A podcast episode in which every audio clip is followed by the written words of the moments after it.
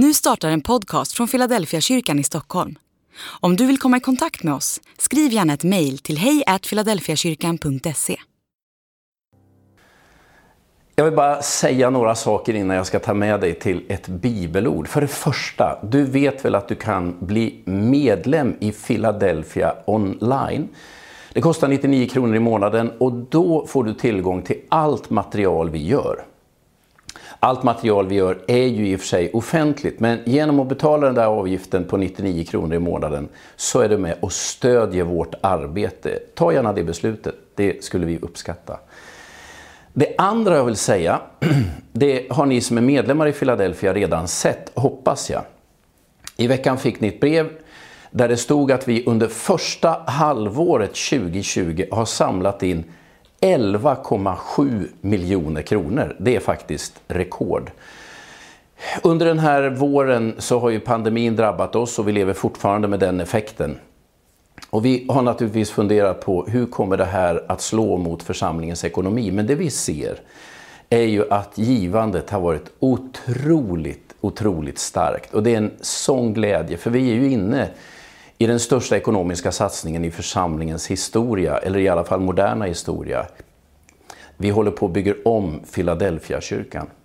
Det som kanske har berört mig mest när jag har sett de här siffrorna, det är att 2,3 miljoner är pengar som är givna till missionen.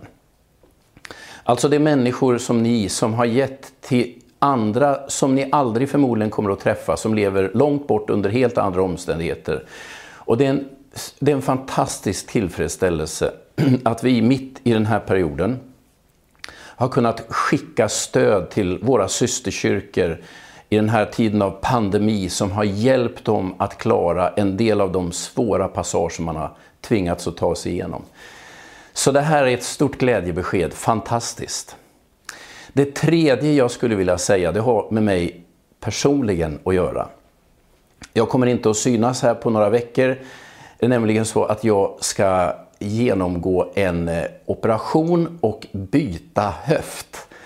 Ehm, det är ju lite märkligt. Man tänker först så eh, tog man studenten, sen gifte man sig och fick barn. Och, och sen blev barnen stora och nu är jag i det skedet av livet att jag ska byta.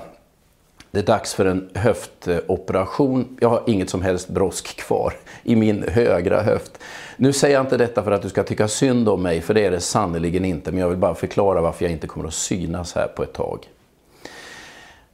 Jag skulle vilja säga någonting den här söndagen om en rubrik som har följt oss under hela det här året. Bro till tro. Och den där rubriken talar ju om att vi alla faktiskt ska försöka sträcka oss till våra medmänniskor och dela med oss både av vårt eget liv men också av våran tro. Och det första jag bara skulle vilja be dig tänka på och fundera på, det är ju det här att vara en bro eller att vara en ö. Därför att jag inser att vi lever i, en tid då vi är väldigt individualistiska. Vi, vi definierar oss själva. Och en ömentalitet, och nu talar jag inte om er som finns ute på någon av öarna, varken i Stockholms skärgård eller Göteborgs skärgård, men någon sorts Individualistisk ömentalitet handlar ju hela tiden om att definiera vad är det som skiljer mig ifrån alla andra. Och det ligger ju i vår tid att tänka så. Jag är en separat individ och jag är inte som de andra. Nackdelen med det här sättet att tänka är ju att, att människor ibland känner att jag hör inte ihop, jag kommer inte med. Eller också tänker du det själv att nej men jag står utanför, jag tillhör inte här.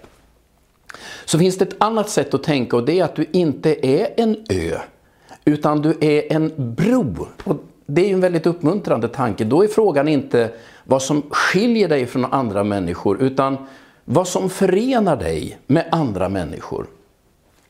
Och för mig är det här egentligen två olika tänkesätt som jag har bägge delarna i mig och de brottas jag lite grann med. Ibland tänker jag som en ö, separat individ och ibland tänker jag som bro. Och det vi egentligen försöker säga med den här bro till tro-tanken eh, är tänk bro. Och inte minst när det gäller din tro, för tron gör ju ibland att man tänker att jag är inte som alla andra, jag har en personlig tro. Tänk inte så, tänk istället, det finns ett fäste i andra människor, det finns en koppling till andra människor. Jag är en bro, inte en ö. Så det är min första tanke jag bara vill skicka med dig idag. Tänk att du är bro, inte ö. Tänk det när du kommer till jobbet, när du går till kyrkan, i din familj, på arbetsplatsen. Vad är en bromänniska. Vad är det som förenar dig med andra? Inte vad är det som skiljer mig från alla andra. Men som sagt var, de där har vi i oss bägge två. Med det här i bakgrunden så skulle jag vilja läsa ett väldigt välkänt bibelord från Matteus kapitel 28, vers 16 och framåt. Vi kallar det missionsbefallningen. De elva lärjungarna begav sig till Galileen, till det berg dit Jesus hade befallt dem att gå. När de fick se honom där föll de ner och hyllade honom, men några tvivlade.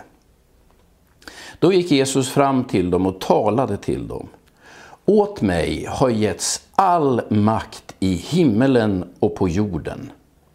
Gå därför ut och gör alla folk till lärjungar. Döp dem i Faderns, Sonens och den heliga Andens namn och lär dem att hålla alla de bud jag har gett er. Och jag är med er alla dagar till tidens slut.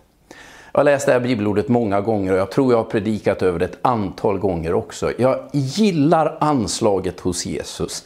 Han säger, åt mig har getts all makt i himlen och på jorden. Gå därför ut och gör alla folk till mina lärjungar. Lär dem att hålla alla bud jag har gett er och jag är med er alla dagar till tidens slut. Det är som att Jesus öppnar sin famn så mycket han kan i alla riktningar. Jag har all makt. Alla människor är välkomna. Glöm inte något av det jag sagt. Lär alla bud och jag är med er alla dagar. Det är storslagna ord och ett fantastiskt löfte. Om man nu tänker, jag är ingen ö, jag är en bro. Det vill säga, det jag lever i och det jag tror på, det finns en koppling till andra människor. Vad betyder i så fall det Jesus säger här? Ja, men låt mig ta någonting, kommentera de här fyra sakerna. För det första, jag har all makt i himlen och på jorden. Det, det är ju lite förbryllande.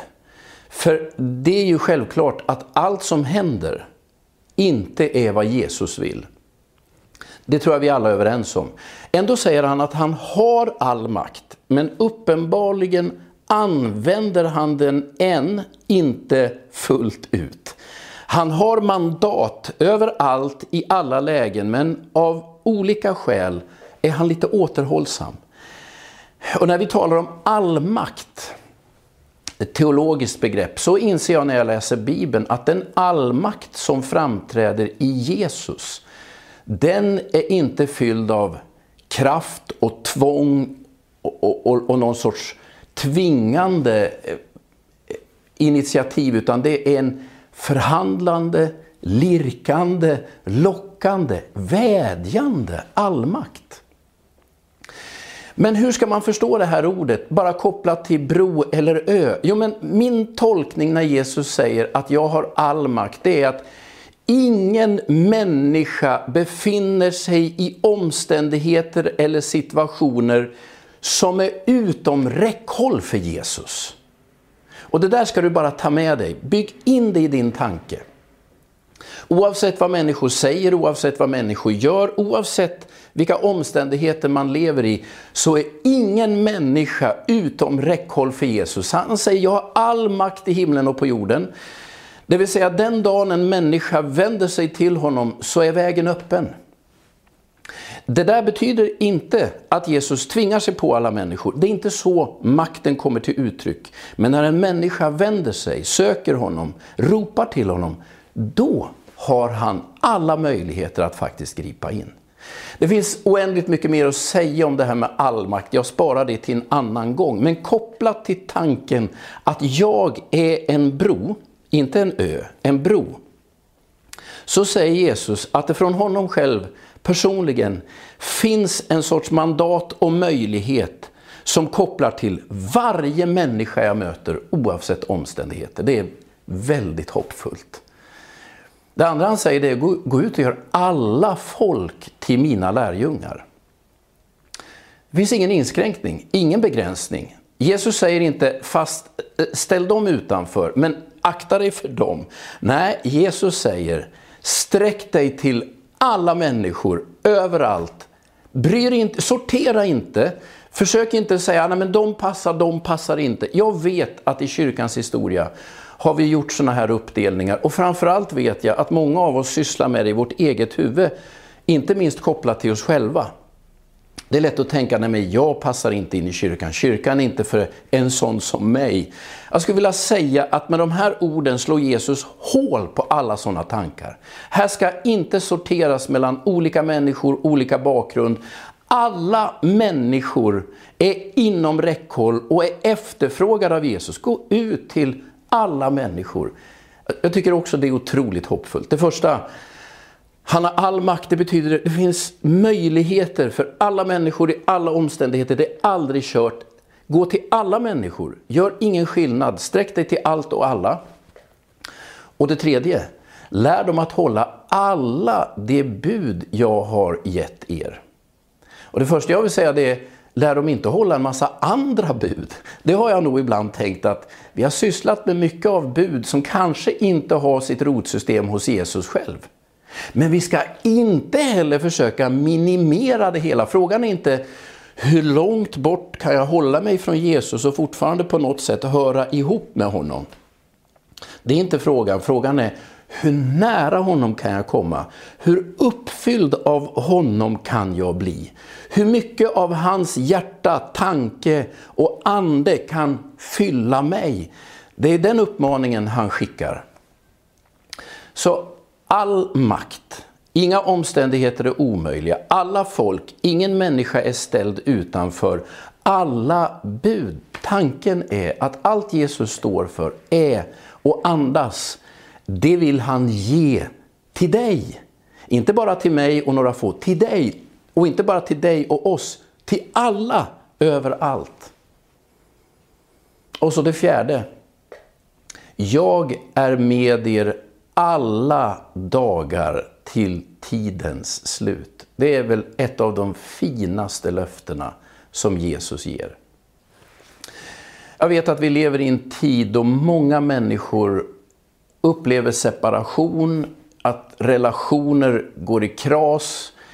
Det är komplicerat att leva tillsammans. Det var som någon sa, vi har gått ifrån en, ett samhälle som kännetecknades av äktenskap till ett samhälle som kännetecknas av föräldraskap. Av det enkla skälet att äktenskap går sönder, men föräldraskapet, det sägs aldrig upp. Alltså att leva tillsammans, att ha långsiktiga, hållbara och goda relationer, det är en utmaning för många människor i vår tid. Och man brukar ju säga att i, i Stockholm så, så är ensamheten en av de absolut största utmaningarna. Att vara ensam är inte bra för hälsan. Men i Stockholm är det fullt av ensamhushåll. Listan på, på den här frågan om att vara själv, att vara ensam, oönskad ensamhet, den kan göras väldigt, väldigt lång. Och, och så insikten om att leva tillsammans, det är komplicerat. Det är inte så enkelt. Men jag vill ändå ge dig detta löfte från Jesus och han ger det ensidigt och det är en utfästelse från honom till dig. Jag är med dig alla dagar till tidens slut. Och den villkoras inte av att du sköter dig, att du varje dag på något sätt bekräftar och är positiv. Det spelar liksom ingen roll. Finns, det finns dagar då du kanske tänker jag är, en, jag är inte lämplig, jag hör inte hemma här. Det spelar ingen roll. Du, det löfte han ger, det bryter inte han. Jag är med dig alla dagar till tidens slut. Nu säger inte Jesus dig, det gör jag därför att jag vill att du ska höra att ordet är riktat till dig. Utan han säger er. Och möjligen vill jag skicka med den tanken på slutet. Det finns ett sorts trons er, en sorts trons gemenskap. Där det faktiskt är så att det är när vi kommer tillsammans, när vi möts, som vi i någon mening upplever Jesu närvaro lite mer påtaglig än när vi är ensamma. Och så finns det en massa restriktioner just nu som gör detta tillsammansvarande lite svårt. Och ändå skulle jag vilja säga till dig Att det finns en sån rikedom i gemenskapen med andra som delar tron. Och det handlar inte bara om att vi tänker lika eller tycker lika, för det gör vi förmodligen inte. Men det handlar om att vår gemenskap är bemängd av Jesu egen närvaro. Jag har, sagt, jag har sagt flera gånger att jag faktiskt har hört Guds röst rent fysiskt. Men inte som en röst rakt ut ur tomma intet. Utan det har varit andra människor som har talat. En mänsklig röst har talat. Det är mänskliga ord som har formulerats, mänskliga tankar som har uttryckts. Men i den mänskliga rösten, i de mänskliga orden, har jag hört Gud själv talar rakt in. Det vill säga Gud använder detta, denna gemenskap som kanal för sin närvaro. Så när det blir möjligt, på det sätt det blir möjligt, sök dig in i trons gemenskap. Och tänk nu, du är ingen ö, du är en bro. Det finns någonting som säger att det är tillsammans vi blir någonting mer. Alltså, bro till tro. Det här att sträcka dig till andra människor med din tro. Dela det du har med andra. Varför det? För du är ingen ö. Du är en bro. Det finns någonting i ditt liv, det finns någonting i din tro som faktiskt är angeläget för andra människor där de finns. Du kanske inte ser det, men det är så. Jesus säger, jag har all makt, ingen omständighet är utanför hans räckvidd. Han säger, gå till alla människor, ingen ska ställas utanför evangeliet. Lär dem alla bud. Det handlar inte om att minimera tron till någon sorts minsta gemensamma nämnare, utan det finns alltid mer att växa i, mer att se, mer att ta emot, mer att bli uppfylld av som är knutet till Jesus. Och så detta vackra löfte, jag är med er alla dagar till tidens slut. Det gäller dig, men det gäller också, också oss tillsammans. Så tänk nu när veckan kommer, du är en bro in till andra människor. Du är ingen ö, utan på något sätt så är du kopplad till andra människor. Förvalta den insikten så att du kan bli till glädje för människor omkring dig. Gud välsigna dig.